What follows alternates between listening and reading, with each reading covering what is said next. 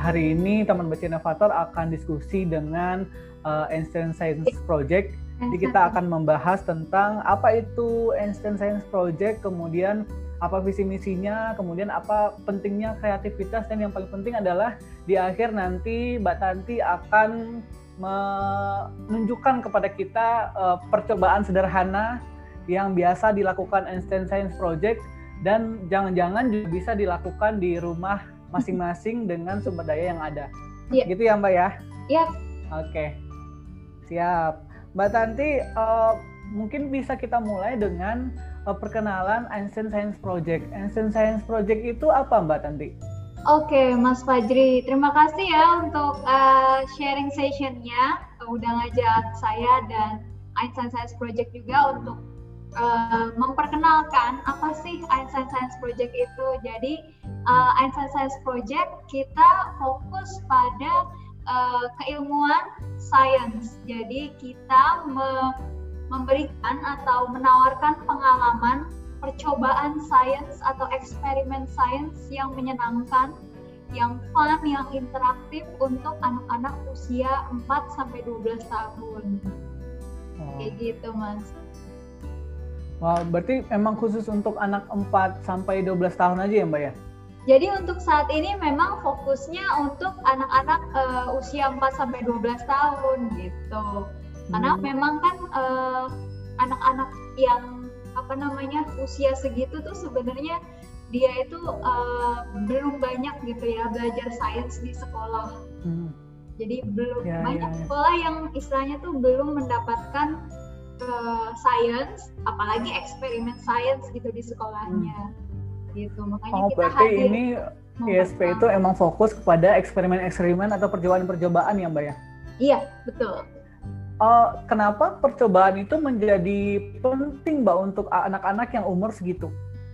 Jadi uh, kita tuh melihat bahwa STEAM atau Science, Technology, Engineering, Mathematics itu penting banget untuk uh, apa namanya persaingan saat ini ya global. Persaingan global saat ini di abad 21 ini uh, sebagai uh, dasar atau pedoman eh pedoman dasar mereka untuk bisa bersaing gitu. Jadi kita tahu sekarang semua serba teknologi yep, yep. semua uh, serba gadget gitu ya jadi nanti si anak-anak ini yang akan menjadi generasi mendatang yang semuanya full serba mhm. teknologi. Mm-hmm. Jadi mereka yang harus menguasai itu dan apa basicnya? Basicnya adalah science atau STEAM gitu.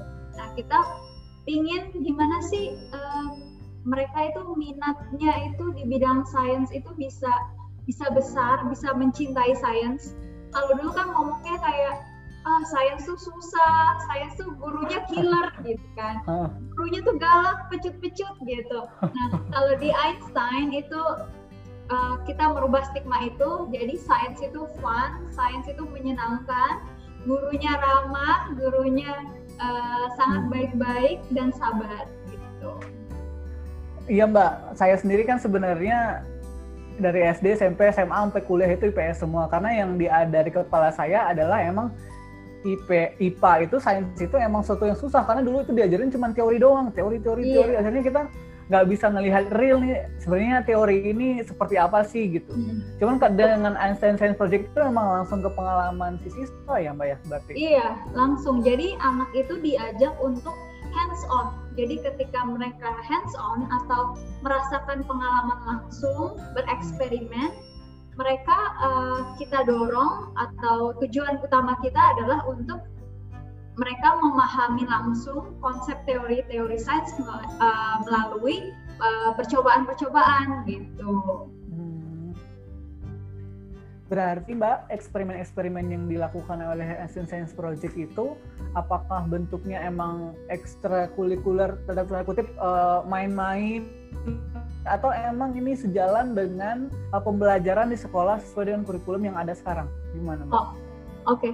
uh, eh, kalau Einstein Science Project itu uh, salah satu keunggulannya adalah kita sesuai dengan standar kurikulum di Indonesia.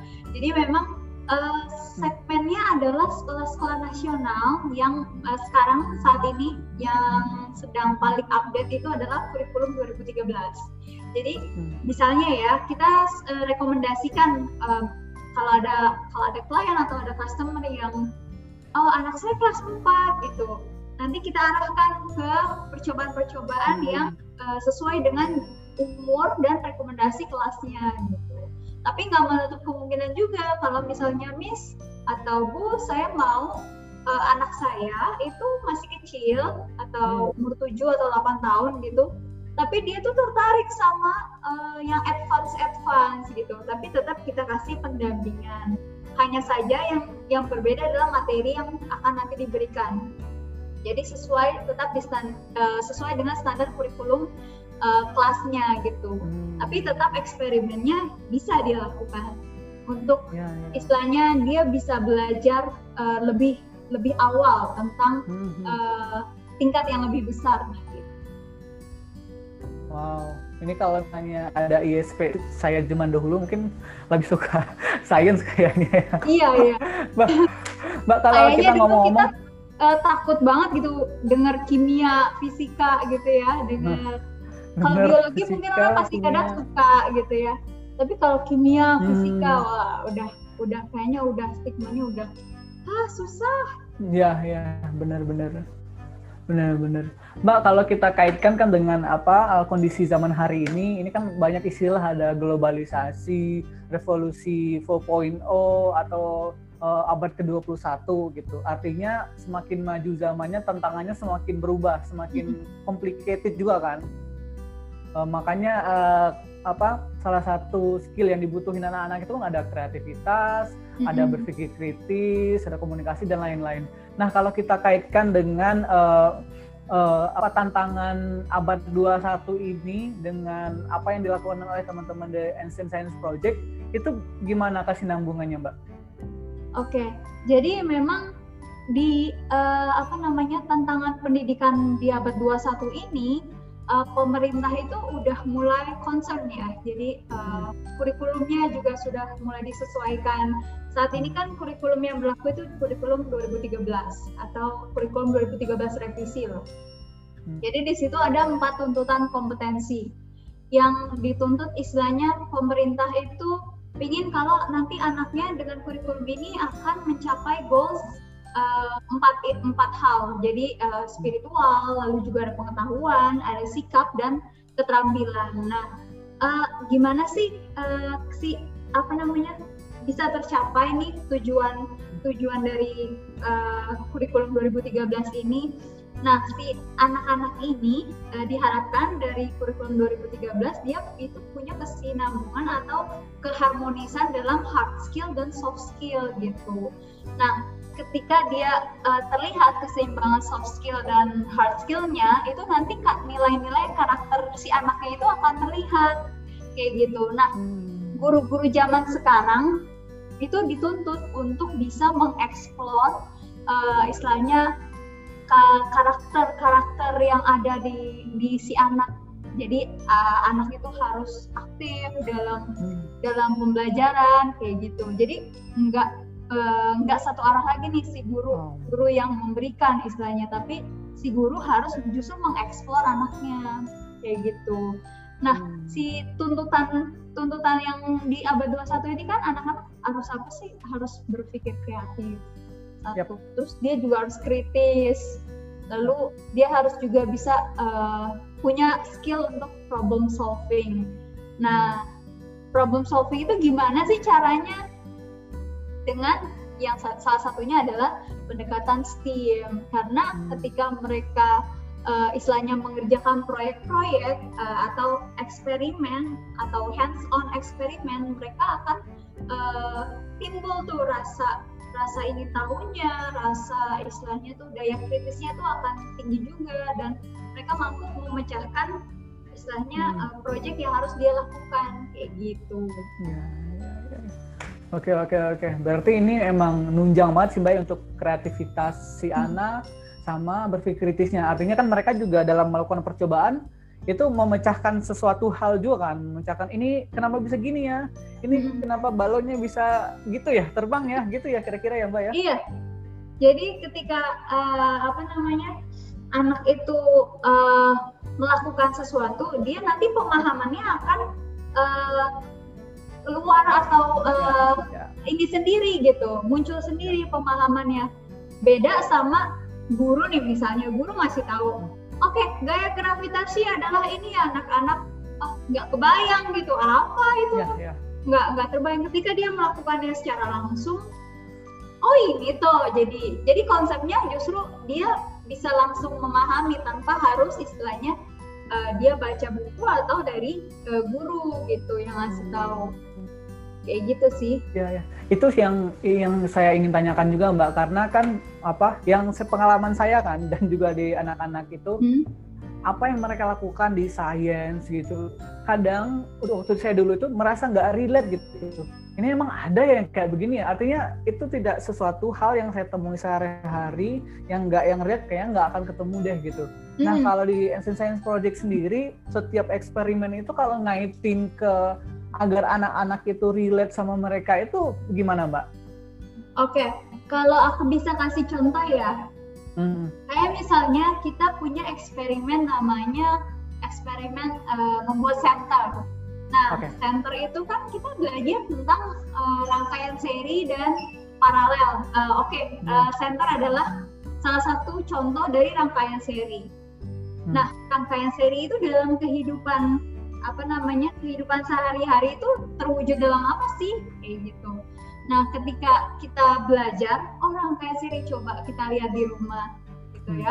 Ketika kita nyalain lampu kamar gitu, itu uh, apa namanya nyala semua atau enggak gitu.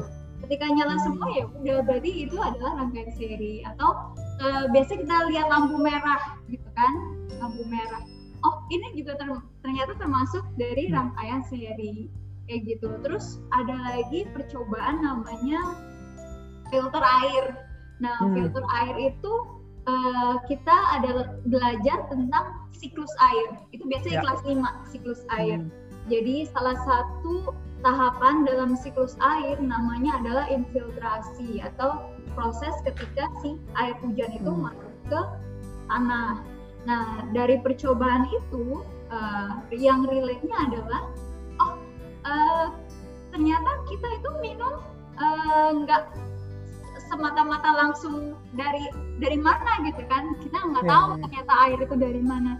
Nah dari proses uh, eksperimen apa namanya filter air itu jadi kita tahu oh ternyata air itu punya proses panjang sampai air itu bisa kita minum gitu. Dan kenapa dia harus istilahnya uh, penyaringnya itu dari yang kasar-kasar atau besar-besar dulu sampai ke halus. Apakah misalnya kalau uh, posisinya dibalik kira-kira bisa nggak ya? Nggak bisa ternyata hmm. sains tuh membuktikan kalau uh, segala segala yang menyaring air itu pasti disaring dari yang besar-besar dulu gitu. Kayak kayak istilahnya kalau kita di tanah ya hmm. yang paling luar dulu yang paling luar itu adalah batu gitu ya kan terus dia masuk ke tanah terus sampai dia ke lapisan bawah baru dia bisa menjadi air bersih kayak gitu sih reliefnya Iya sih, maksudnya kan anak-anak itu uh, kalau di teori pendidikan mereka kadang sulit yang nangkap yang abstrak ya. Ini apa ya abstrak-abstrak gitu ya. Cuman ketika udah diturunkan kepada percobaan, kemudian juga udah relate sama kehidupan mereka sehari-hari, harusnya itu akan semakin mempermudah anak-anak memahami materi-materi pelajaran khususnya sains di di sekolah mereka ya.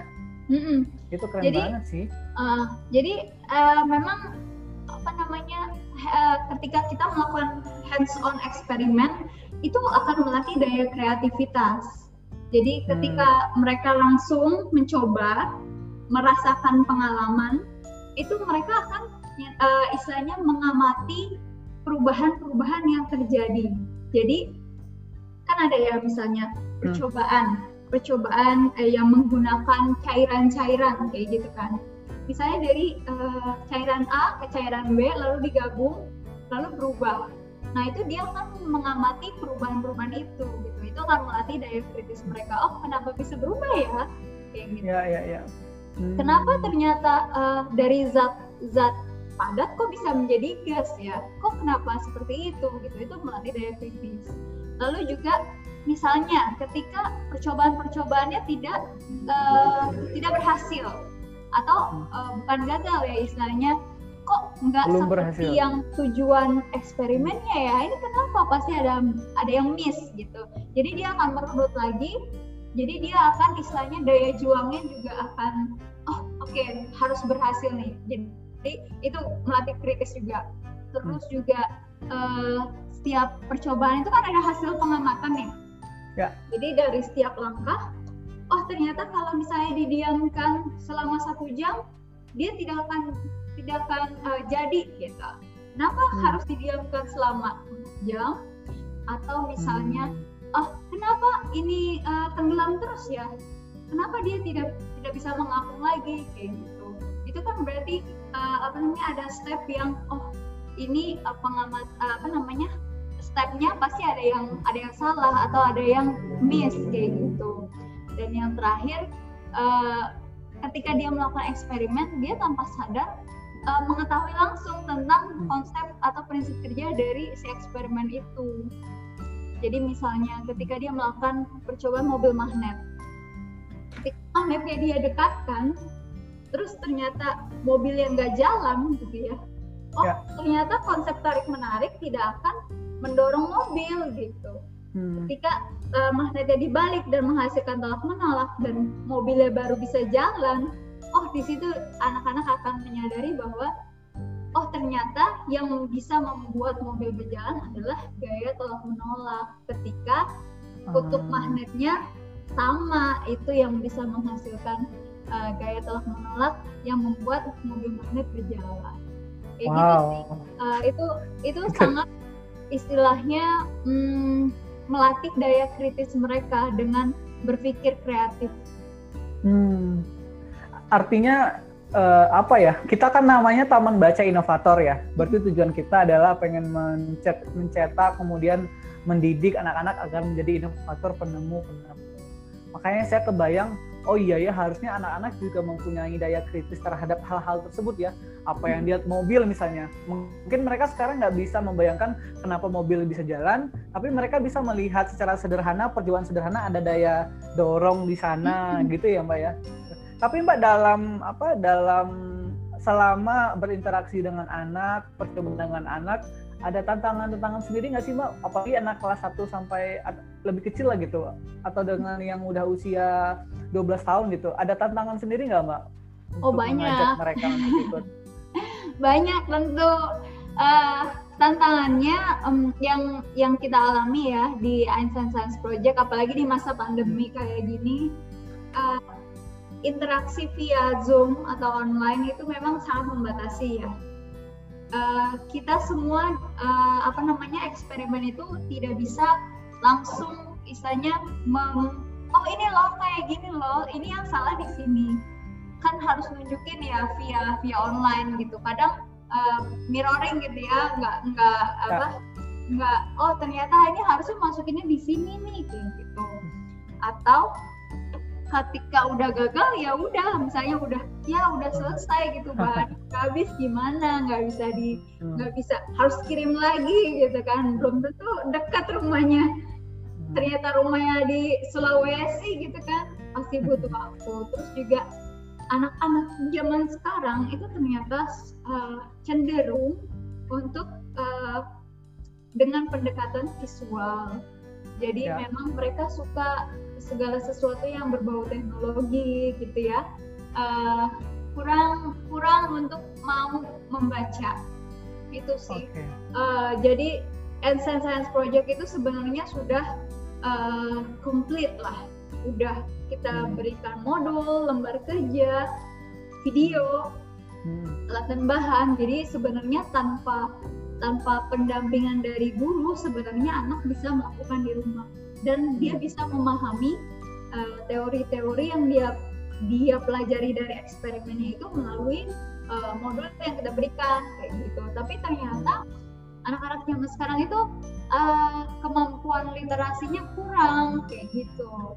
Nah mungkin dari Taman Baca Inovator ada ada apa ya ada masukan atau saran atau tips untuk anak-anak uh, uh, di di abad 21 ini untuk bisa mau membaca dan kemampuan literasinya juga bisa meningkat? Bukan tips sih mbak, uh, cuman uh, apa bagaimana meningkatkan minat baca itu sampai hari ini masih kita kerjakan di Taman Baca Inovator dan hal-hal tersebut sangat banyak kita kita temukan gitu dan hari ini kita masih mencari uh, apa program-program apa yang yang bisa anak-anak bisa terus membaca gitu. Cuman uh, salah satu dari pengalaman kita memang kecenderungannya uh, sebagian besar itu anak-anak lebih tertarik kepada teks yang ada gambarnya, yang ada warna-warninya, yang ada grafiknya daripada emang itu bukunya uh, tulisan semua gitu. Misalnya di taman baca kita itu kan ada terbagi beberapa buku ya. Ada buku yang emang banyak gambarnya lebih banyak daripada tulisannya. Ada yang pop up, kemudian ada yang apa? Yang menarik lah pokoknya. Cuma ada juga buku-buku yang novel yang isinya tulisan semua. Itu yang dicari adalah buku-buku yang emang bergambar, kemudian ada grafik kayaknya sih mereka lebih apa lebih lebih tertarik pasti. Kemudian mereka lebih memahami juga dengan hal-hal seperti itu gitu. Hmm. mungkin itu sih mbak yang bisa saya bagi pengalamannya. Artinya eh, anak-anak lebih senang dengan hal-hal yang lebih berwarna hal-hal yang lebih bergambar yang hmm. sifatnya lebih uh, grafis dan lain-lain gitu. Mungkin bisa coba. Atau jangan-jangan udah dibikin seperti itu mbak mbak Tanti Ya sih, biasanya untuk yang kelas kecil memang kita itu lebih banyak gambar dan apa namanya uh, ada analoginya ya. Jadi misalnya percobaan model paru-paru atau uh, hmm. percobaan kamera obscura itu kan belajar tentang organ organ. Yang pertama kalau model paru-paru belajar tentang organ pernafasan. Jadi nanti ada istilahnya itu kayak perbandingan antara si paru-parunya, paru-paru beneran sama yang hmm. uh, eksperimen yang dia buat kayak gitu.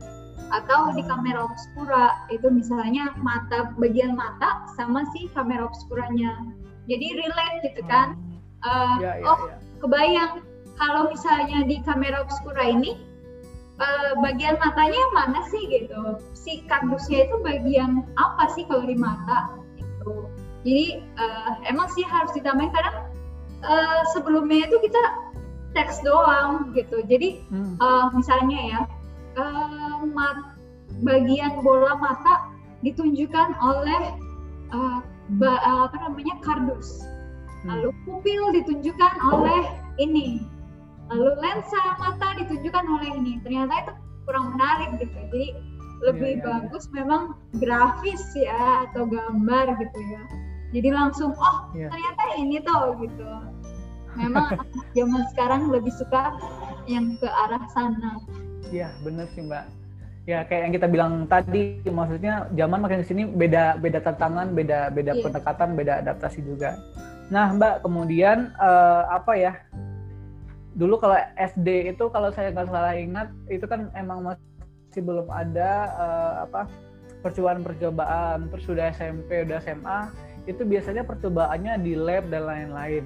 Nah, pertanyaan saya adalah apakah memungkinkan ya Mbak eksperimen ini dilakukan di rumah dengan uh, sumber daya yang ada di sekitar misalnya? Oh, bisa, bisa banget. ya Mbak kira-kira? Bisa uh, banget. Jadi uh, di Einstein itu kita sebenarnya pakai bahan-bahan yang uh, banyak ditemui di sekitar kita gitu. Jadi sangat mudah. Terus juga ternyata oh ternyata bahan-bahan di sekitar kita itu juga bisa loh jadi hmm. istilahnya media kita untuk belajar sains karena sebenarnya ya di buku-buku pelajaran uh, buku-buku pelajaran sekolah sekarang itu juga banyak loh nyediain percobaan-percobaan yang bisa dilakukan di rumah kayak gitu. Ya. Nah tapi itu balik lagi ke kreativitas anak. Dia uh, dia mampu nggak untuk bisa mengolah bahan-bahan di sekitarnya dia untuk bisa uh, buat media dia belajar. Nah, kalau di Einstein itu uh, kita bisa belajar sains melalui pengamatan di sekitar kita. Nih aku kasih contoh ya. Jadi ya, ya. kalau kita misalnya belajar perubahan wujud, perubahan wujud. Uh, kalau lihat mama di di dapur gitu ya, anak-anak, uh, misalnya dia masukin air air putih ke dalam freezer. Dia di situ belajar uh, perubahan wujud yaitu membeku. Hmm. Lalu juga misalnya dia melihat ibunya uh, memasak air. Uh, nah, hmm. lalu itu kan air itu menguap. Nah, di situ dia belajar tentang menguap. Nah, ada lagi jadi uh, perubahan wujud yang kalau di Einstein itu kan kita maunya fun ya. Yep. Gimana caranya ngebuat eksperimen itu fun. Nah, kita bisa tuh buat es krim. Es krim hmm. dengan cara yang sangat mudah. Terus juga uh, bahan-bahannya juga pasti ada di dapur rumah kita. Jadi hmm. itu tuh bahannya cuman es, es batu, lalu ada susu dan ada garam. Jadi uh, caranya itu ya, uh, ini bisa disatuin yeah, yeah. teman-teman di rumah. Uh, Teman-teman di rumah bisa nyatet nih ya? Iya, ya. bisa. Jadi uh, nanti es batunya itu es batu yang kotak-kotak itu loh, hmm. yang di pasaran juga dijual kan. Nah nanti tinggal dimasukin ke plastik yang besar atau plastik clip yang besar, ziplock ziplock itulah yang besar. Hmm.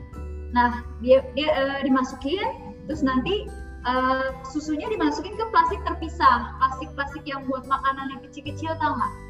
Plastik-plastik kiloan ya. biasanya. Nah ya, ya. itu bisa dimasukin nah terus diikatnya rapat nah lalu si esnya yang udah di, tadi diplastikin itu itu dicampur sama garam.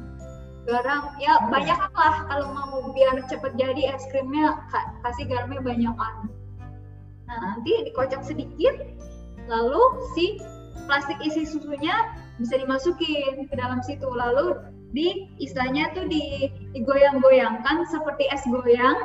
Nah nanti lama-lama si uh, susunya akan berubah menjadi ice cream. Nah di situ kita belajar uh, yang namanya perubahan wujud benda. Ketika uh, benda benda cair menjadi benda padat. Dan selain itu juga sainsnya di mana sih?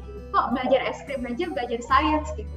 Ternyata si fungsi garam itu uh, akan mengubah molekul pada es yang membuat si es itu menjadi suhunya menjadi lebih dingin gitu. Jadi ketika misalnya garamnya nggak ditambahin nggak akan terjadi es gitu. Jadi ternyata oh garam itu bisa bisa membuat suhu menjadi lebih dingin gitu. Ya, ya. itu pengamatan sainsnya. Berarti selain mereka bisa percobaan bisa bikin es krim sendiri ya mbak ya? Iya. Itu itu anak-anak suka banget suka banget. Apalagi kalau uh, apa namanya kita lagi bikin percobaan es krim itu hmm. nggak di sekolah nggak di mall nggak di uh, zoom uh, atau live IG itu semua pasti suka dan pasti pasti berhasil. Pasti okay. berhasil. siap mantap sih. Saya jadi penasaran juga kayaknya bisa bikin es krim di, di, di rumah. Iya. Pasti mbak Tanti iya um, ada nggak mbak cerita-cerita uh, apa sih cerita yang menarik dari ESP tentang ada nggak anak-anak yang biasanya dulu males belajar uh, sains tapi abis mereka uh, apa melakukan percobaan kemudian mereka jadi seneng gitu sains gitu. Ada nggak mbak? Atau mereka yang anti oh nggak mau sains nggak mau sains ah. Tapi oh ternyata menarik ya gitu. Banyak sih. Jadi kalau kita ke sekolah itu anak-anak uh, yang tadinya uh, apa namanya uh, dikirain tuh oh ngapain sih gitu kan hmm. terus ternyata pas dia melihat sesuatu yang wow wow gitu kan ya. oh ah, keren banget ternyata saya bisa keren kayak gitu ya gitu terus ada juga yang istilahnya uh, baru tahu kalau uh, misalnya ya ada lensa ya. lensa itu kan kalau kita lihat paling buat loop loop doang gitu kan. Nah kalau hmm. di Einstein itu kita bisa bikin jadi virtual reality goggle gitu. Hmm. Jadi nanti si anak itu uh, bisa pakai gadgetnya, nanti pakai uh, virtual reality goggle kita itu modalnya cuma lensa cembung doang. Nah nanti si anak itu bisa merasakan pengalaman nonton video yang 360 derajat gitu. Itu uh, apa ya membuat mereka jadi wow wow gitu. Jadi bayangan wownya gitu. Ya, seneng ya. seneng di sini sih semua eksperimennya nggak ada yang maksudnya semua seru gitu. Seru dan apa namanya menyenangkan. Jadi nggak hmm. sebenarnya nggak kerasa kayak belajar sih. Ah iya sih harusnya iya. belajar itu begitu. Nggak hmm. nggak berasa belajar gitu. Jadi tiba-tiba ada dapat ilmu aja iya. mereka gitu. Uh, oh kayak gitu ya mbak, ternyata gitu uh -uh.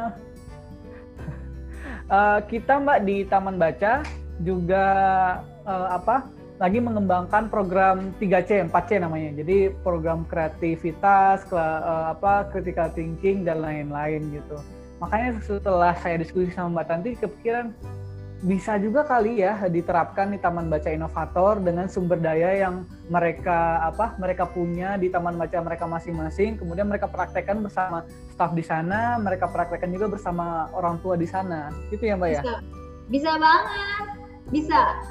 Semua tuh uh, apa namanya istilahnya sekarang tuh uh, semua bisa kita kita lakukan dengan mudah dan aksesnya juga hmm. gampang gitu kalau misalnya nggak bisa nggak bisa ke akses zoom ada yang namanya hmm. istilahnya uh, virtual uh, virtual QR QR code kita sediain juga video hmm. tutorialnya dan oh. uh, langkah kegiatannya juga mudah banget jadi anak-anak itu pasti akan bisa melakukan di rumah. Dan misalnya bahannya kurang atau misalnya bahannya ada yang oh, diambil ade atau tadi hilang tiba-tiba itu bisa banget cari lagi substitusinya gitu loh. Bisa banget.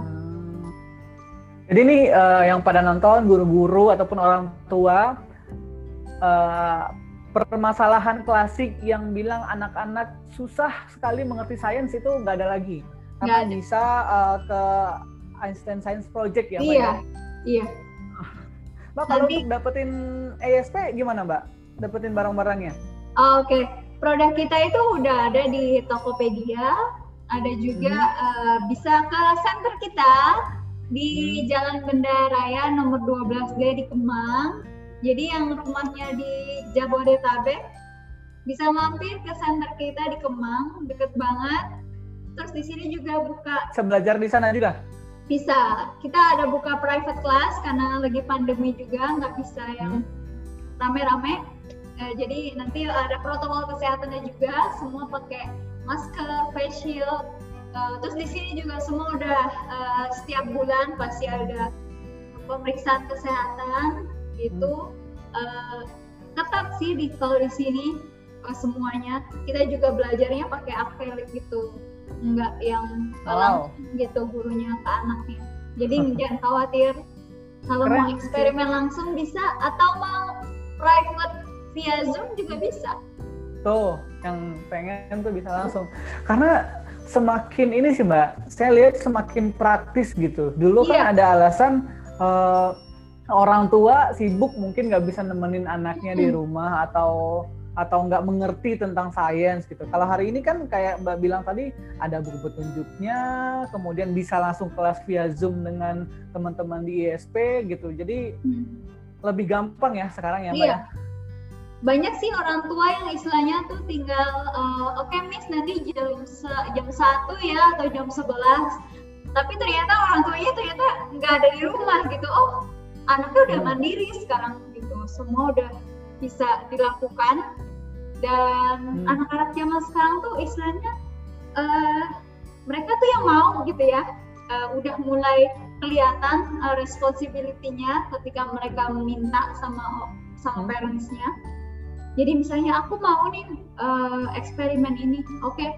berarti dia uh, komitmen untuk melakukan yeah. itu terus juga mereka pas zoom juga kayaknya zaman dulu mungkin kayak kita masih dipaksa-paksa sama orang tua ya yeah, kalau zaman sekarang tuh kita melihat kelas anak yang masa orang tua kayaknya iya kelas ayo ma ayo ma beli gitu terus selalu kayak kapan miss buka lagi kayak gitu jadi oh ternyata wow. uh, anak-anak zaman sekarang tuh lebih lebih ini ya apa berani untuk mengungkapkan apa yang uh, dia mau dan minatnya dia gitu. Hmm. Ya. Oke oke oke.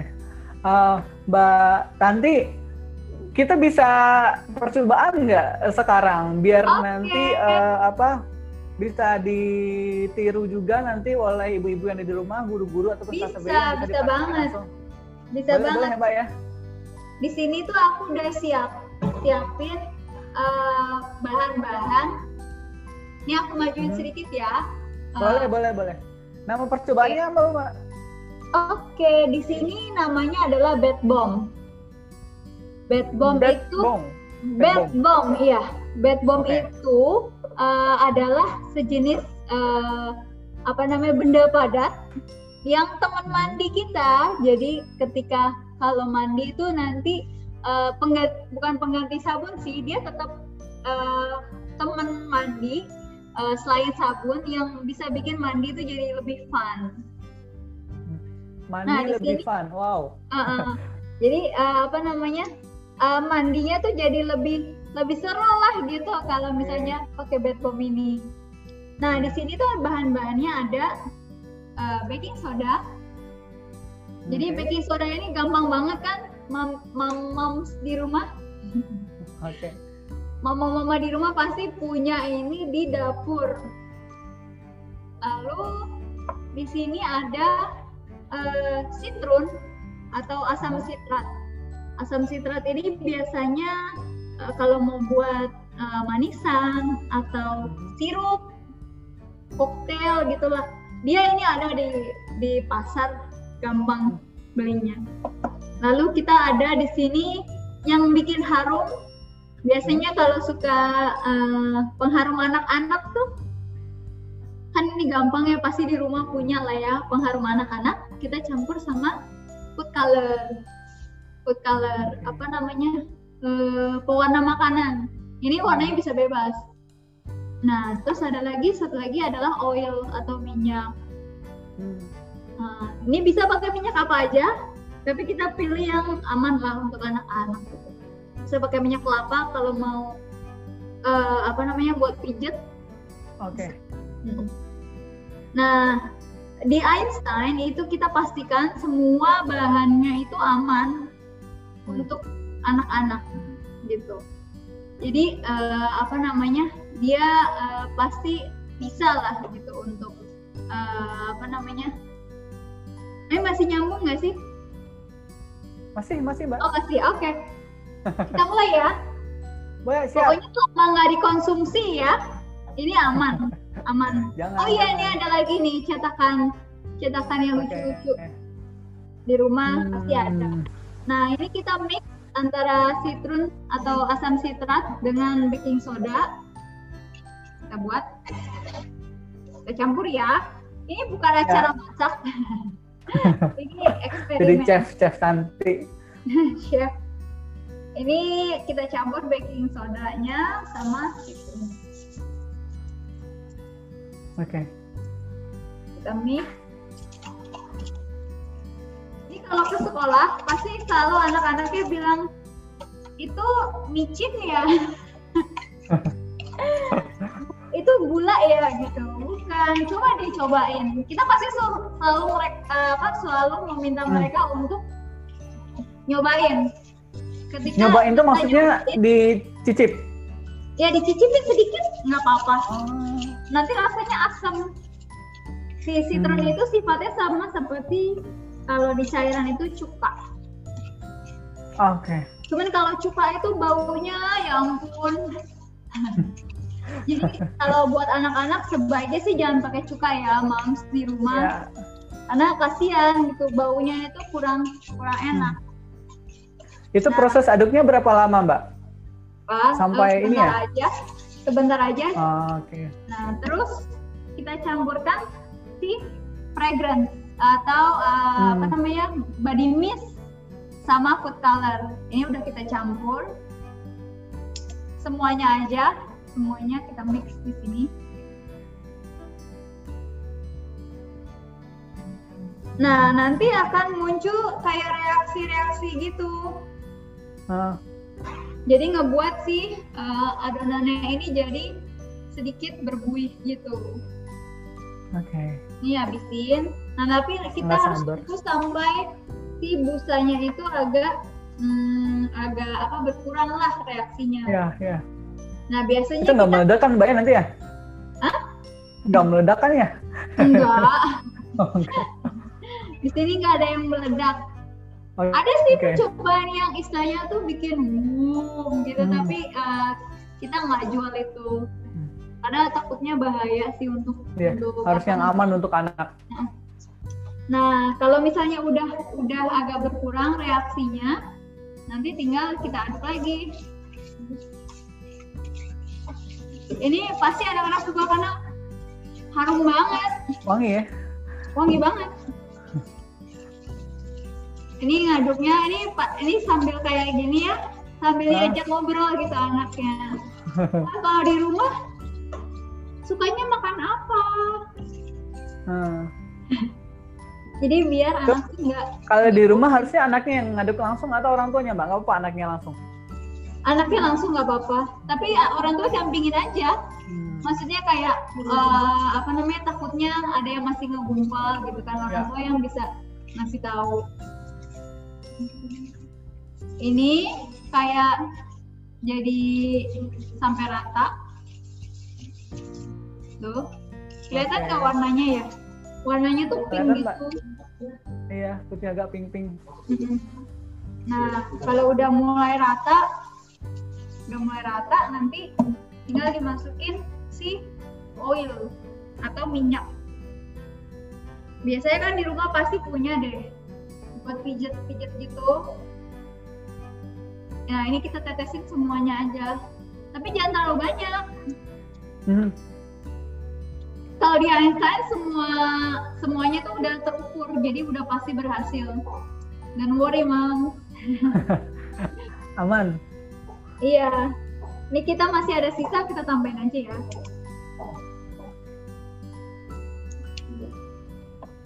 Nah kalau di Einstein itu kita udah pastikan semua eksperimennya itu anak-anak pasti bisa berhasil kecuali misalnya ada uh, bahan yang habis atau bahan yang tiba-tiba diambil atau hilang.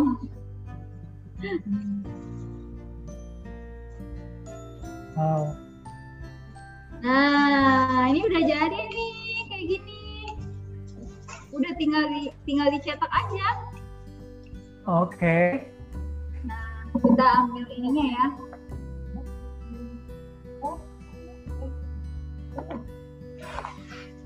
Nah, ini kita ambil cetakannya. Hmm. Lalu kita masukin ke cetakan. Aktor sini ya. Cetakannya. Ya. Kita masukin. Itu biar lucu ya pas sama anak-anak ya, iya, ya cetakannya. Iya, anak-anak tuh. Jangankan nih ya, jangankan hmm. yang TK loh. Ini yang kelas 6 aja masih suka loh kayak gini. Kayaknya jangan kelas 6 saya aja yang udah tua kayaknya suka deh kalau kayak gitu iya beneran kita tuh kita tuh pernah ya ke sekolah gitu ya masih percobaan-percobaan untuk anak anak-anak yang kelas kecil itu ternyata anak yang kelas besar juga masih masih ah, ah mau gitu nah ini kita pokoknya padetin aja semuanya kita padatkan Nah ini nih di sini anak-anak bisa uh, motoriknya bisa di ini juga. Jadi tekan-tekan gini Kak Fajri. Uh, Oke. Okay. Biar dia padat supaya uh -huh. dia nggak istilahnya tuh nggak hancur atau nggak pecah pas dibuka cetakannya. Itu sih ya. Uh. Gampang banget gak sih? Iya. Gampang kan? ini nanti bisa lihat lagi ini di YouTube nanti dicoba di rumah nanti ini. Jangan lupa bisa beli produknya di Einstein. kita ada di Tokped, bisa juga di hmm. Instagram atau ke WA kita dari uh, Instagramnya okay. Einstein Science Project. Nah, kalau sudah gini kita cetak. Hmm. Dicetak.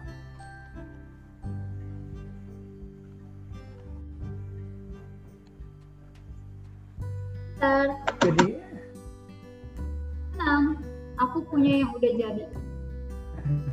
Tara. Sulap nih sulap. Ini nanti dicetak. Nah, jadinya kayak gini nih. Ada aku bikin udah bikin tiga. Mm-hmm. Jadi ada yang bentuknya kura-kura, tuh kura-kura. Ah. Terus ada yang bentuknya pesawat, sama yang tadi kepiting.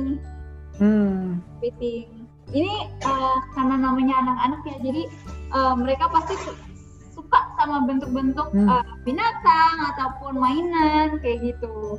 Nah, Okay. Ketika dia udah dicetak, itu uh, kita harus tunggu sampai dia mengeras. Jadi nggak bisa okay. langsung digunakan. Biasanya itu uh, jadinya itu sekitar 4 jam. Atau misalnya kalau misalnya buatnya pagi, nah nanti buat bisa mandi sore gitu. jadi itu dimasukin ke bak mandi atau gimana iya. bakal udah jadi begitu? Iya. Nih aku aku punya apa namanya uh, airnya. Oke. Okay. Ini uh, ininya dimajuin sedikit. Ini kamera. Nah, kita lihat ya nah, sama-sama ya. ya. Jadi nanti apa sih yang terjadi sama bed bomb ini ketika kita masukkan ke air? Bed bomb. Saya yang deg-degan jadinya. ini kita masukin yang pesawat ya. Ya.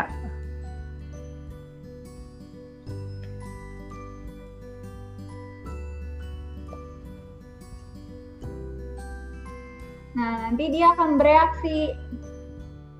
Nih, sebenarnya okay. gitu. Wah. Hmm. Dia dia akan istilahnya tuh me, me, mengeluarkan reaksi uh, apa namanya busa. Oh. Oke. Okay. Kita coba lagi ya yang lain ya. Oke, okay, Mbak.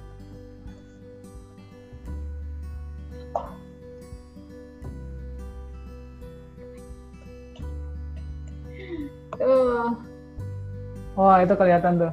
Ah, iya bener. Dan ini aman untuk anak-anak sambil aman. mandi ya, Mbak ya? Aman okay. untuk mandi. Karena semuanya itu pakai uh, apa namanya? bahan-bahan yang food grade ya. Hmm. Masker ini ya. Nah, nanti anak-anak juga bisa belajar selain uh, ini tuh uh, ada dua, ada hmm? dua materi um, enggak. Jadi ada dua materi yang bisa dipelajarin di sini. Ini masih Mbak menghasilkan hmm. reaksi. Oh, ya. keluar asap-asapnya. Nah, ini kalau dipegang, kalau, kalau dipegang airnya itu dingin sekali. Ah. Ya. Itu ada penjelasan juga nanti kenapa dingin ke anak-anaknya nanti? Ah, ada. Jadi kenapa bisa dingin? Ternyata uh, atau asam sitrat itu ketika dia dicampur sama air, dia akan menghasilkan reaksi yang namanya endotermik atau dia hmm. menyerap kalor. Jadi kalor itu kan panas ya. ya. Jadi dia menyerap uh, panas dari lingkungan sekitar sehingga uh, ini dingin banget loh kayak es. Hmm. Oh. Padahal kita nggak pakai es. Iya nggak pakai es. Uh -uh ini dingin sekali. Nah itu uh, karena akibat reaksi dari citron yang bercampur dengan air. Nah, oke. Okay. Ini lama-lama hilang si yang tadinya benda padat oh. ini, eh, dia hilang. Berarti di situ bisa juga belajar perubahan zat yang mbak ya? Iya, perubahan wujud benda. Perubahan wujud benda, -uh. benda. Perubahan wujud benda dari uh, padat menjadi gas. Hmm. Karena dia menghilang, um, berubah berubah wow. menjadi karbon dioksida. Ketika dia dicampur oh. air, uh, dia akan berubah menjadi uh, gas. Oke. Okay. Dan dia menghilang. Ini recommended banget sih buat nggak hanya buat orang tua, tapi sekolah-sekolah yang yang ingin melak agar anaknya cepat mengerti, cepat paham terhadap uh, teori-teori yang sifatnya hafalan daripada yang sifatnya hafalan, kemudian istilah-istilah yang akhirnya nggak mereka mengerti, mendingan langsung dicobain ke anak. Jadi ketika mereka sudah tahu prosesnya untuk menghafal materi pun akan lebih gampang harusnya iya. ya Mbak ya. Iya. Hmm. Jadi kayak misalnya contohnya uh, di rumah apa contoh menyublim? Uh, hmm, kan istilah menyublim udah aneh. Apa itu menyublim? Kap kapur barus doang gitu kan. Yeah. tapi kapur barus nggak bisa dibuat eksperimen yang seru gitu. Hmm. padahal dia cuma ya udah benda padat terus lama-lama kok cover boxnya hilang. Oh dia berubah jadi gas. Nah kalau ini kan anak bisa langsung mengamati dan cepet hmm. gitu apa namanya reaksinya kan. Ya, nggak ya. yang harus menunggu berhari-hari gitu. Bener-bener mantap mantap. Keren banget sih mbak mbak nanti kita bisa ini kali ya Taman Baca Inovator nanti konsultasi ke Nation Science Project untuk apa saja yang bisa dilakukan buat anak-anak yang ada di rumah masing-masing yang bisa kita masukkan juga ke program-program Taman Baca Inovator kali ya Mbak ya. Boleh ya, ya Mbak ya? Oke. Okay. ya. Ya kolaborasi. Pokoknya ya untuk dong. apa ya? Mendorong anak untuk bisa suka uh, ilmu pengetahuan pasti kita akan dukung sih. Karena ya, memang ya. concern kita ke sana. Karena banyak hmm. sekali uh, di Indonesia itu yang nggak bisa dapat akses ya untuk uh, dia bisa uh, belajar sains. Hmm. Betul betul, iya sih uh, apa kita di Taman Baca Inovator kan emang meminta anak-anak untuk membaca. Cuman kan sebenarnya membaca aja nggak nggak cukup kan sebenarnya membaca terus apa gitu. Kita hmm. perlu melakukan percobaan cobaan yang kreatif seperti ini, perlu menghadapkan siswa kepada situasi langsung yang seperti ini gitu. Hmm. Saya pikir ini sangat bagus sih mbak untuk pendidikan anak-anak terutama yeah. sekolah dasar bisa di rumah, bisa di sekolah juga, bisa di mana pun ya. Iya bisa di mana pun. Kadang ya kita hmm. uh, kan kita buka ekskul juga nih. Ya itu di mobil loh anaknya di mobil dilakukan jadi dia dalam perjalanan entah ke mana hmm. uh, tapi dia tetap mau ikut ekskul ya udah hmm. di mobil cuman Miss nanti ya isi lembar kerjanya aku lagi di mobil soalnya pusing kalau wow. uh, menarik banget sih ini bisa jadi uh, apa menjadi salah satu solusi untuk uh, mempermudah anak memahami sains untuk yeah. menarik kembali anak-anak yang selama ini stereotipnya sains itu susah uh, mengerikan akan lebih gampang sih kayaknya kalau dengan begini mbak sebenarnya at least mereka nggak harus menguasai yang harus jadi juara olimpiade atau juara. Kan sekarang lagi zaman tuh juara olimpiade fisika. Uh, goalsnya sih sebenarnya lebih ke anak-anak tuh ketika dia uh, mencintai uh, atau menyukai uh, ilmu ya. dia akan paham gitu. Jadi nggak perlu ya, dia yang menguasai sampai segitunya. Yang penting tuh dia paham tentang konsep atau teori sains ya, dengan ya. cara yang menyenangkan dan dia ya. jadi istilahnya tuh belajar itu fun belajar tuh harus menyenangkan loh Bener sih, itu kuat banget sih. Maksudnya kepada guru-guru, kepada sekolah, kepada orang tua, jangan paksakan anak-anak tuh paham dulu ya, tapi bikin dulu mereka suka, mereka fun, mereka senang dengan apa yang mereka lakukan. Dan iya. cara-cara senang seperti Einstein Science Project ini sebenarnya harus kita terapkan di banyak bidang ilmu sebenarnya, iya. science bisa, sosial bisa, agar mereka lebih lebih tertarik gitu ya Mbak ya. Betul, betul sekali. Karena memang uh, mm. ke depannya anak-anak harus harus bisa menguasai ini nanti di generasi eh yeah. generasi yang sekarang ini yang akan menjadi uh, istilahnya penerus kita nanti ya di depan kita itu yeah. kayaknya teknologi itu sudah sudah istilahnya ayo ayo ayo datang datang ke saya yeah. gitu nggak tahu apa, apa lagi yang akan tercipta apa nanti yang harus gitu. kita kasih ke generasi sekarang gitu kan betul mbak Nah Tanti, ini kalau di Instagram nih kayaknya dua menit lagi udah selesai deh kalau di Instagram. Okay. Mungkin mbak kalau teman-teman teman-teman uh, kalau mau mendapatkan produk Einstein Project itu uh, apa saja di mana mereka bisa dapat dan apa saja keuntungannya mbak mungkin mbak akhir. Oke, okay. uh, Science Project itu bisa didapat di uh, center kita di Jalan Benda Raya nomor 12 di Kemang. Itu bisa datang ke sini, bisa private class juga by appointment ya, reservasi dulu. Lalu juga ada di Tokopedia, uh, di Einstein Science Project tokonya. Lalu hmm. juga bisa di Instagram kita, itu kita selalu update sih produk-produk okay. baru. Terus juga bisa langsung ke WhatsApp Instagramnya apa mbak? Einstein Science Project. Einstein Science Project, oke. Okay. Oke, Mbak Tanti, kita nggak berasa banget sih diskusinya yeah, yeah. seru banget, apalagi ditutup dengan uh, percobaan gitu. Cuman uh, bagi teman-teman yang punya akses untuk ke Essence Project, mendingan langsung ke Essence Project di Jalan Benda ya, Mbak ya? Iya betul, Jalan Benda Kemang.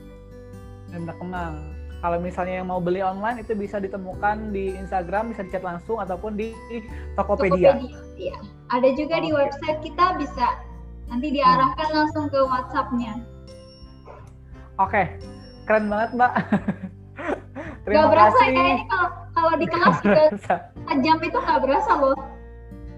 Iya iya, karena bener Mbak, maksudnya ketika kita udah senang, udah tertarik, ya nggak berasa. Tapi kalau dari awal udah nggak tertarik, udah bosan, itu kayak iya. kita nunggu waktu TikTok, Aduh, TikTok, fisika lama, gitu ya. ya.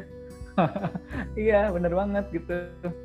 Mbak, terima kasih Mbak Tanti. Semoga Ansen Science Project semakin sukses. Makasih semakin banyak juga Mas Fajri. Banyak udah percobaannya. Iya, bener dan apa ya? Kita di Taman Baca Inovator membantu pendidikan Indonesia melalui uh, meningkatkan minat bacanya dan Science Project juga memiliki jalan sendiri untuk sama-sama membantu pendidikan Indonesia. Semoga terus apa ya Mbak ya, terus semangat Mbak buat teman-teman Mbak Tanti dan teman-teman. Iya, sip. Oke. Terima siap. kasih juga teman baca inovator. Terima kasih Mbak Tanti. Oke teman-teman itu diskusi kita kali ini dengan Mbak Tanti. Uh, jangan lupa pakai masker, tetap yep. cuci tangan ke mana pun pergi, tuh langsung pakai masker, masker Essence Project. Masker, cuci tangan, kalau nggak kalau nggak bisa cuci tangan, selalu pakai hand sanitizer dan kalau nggak penting-penting banget keluar, tetap di rumah gitu. Iya, betul. Oke, mungkin terakhir Mbak, di mana bisa didapatkan uh, masker keren gitu Mbak? Masker ini bisa uh, nanti kita akan ada paket holiday hampers juga. Nanti wow. uh, udah include masker. Atau kalau mau beli bisa nanti uh, pembelian 300 ribu udah dapat masker kain kece, ada valve-nya juga. Hey. Keren banget kenalnya 300 ribu bisa dapat uh, peralatannya, bisa dapat uh, maskernya juga. Ya. Oke Mbak Tanti, uh, sekali lagi terima kasih. Jaga kesehatan Mbak Tanti. Oke. Selamat sore. Sore. Mbak Tanti. Bye.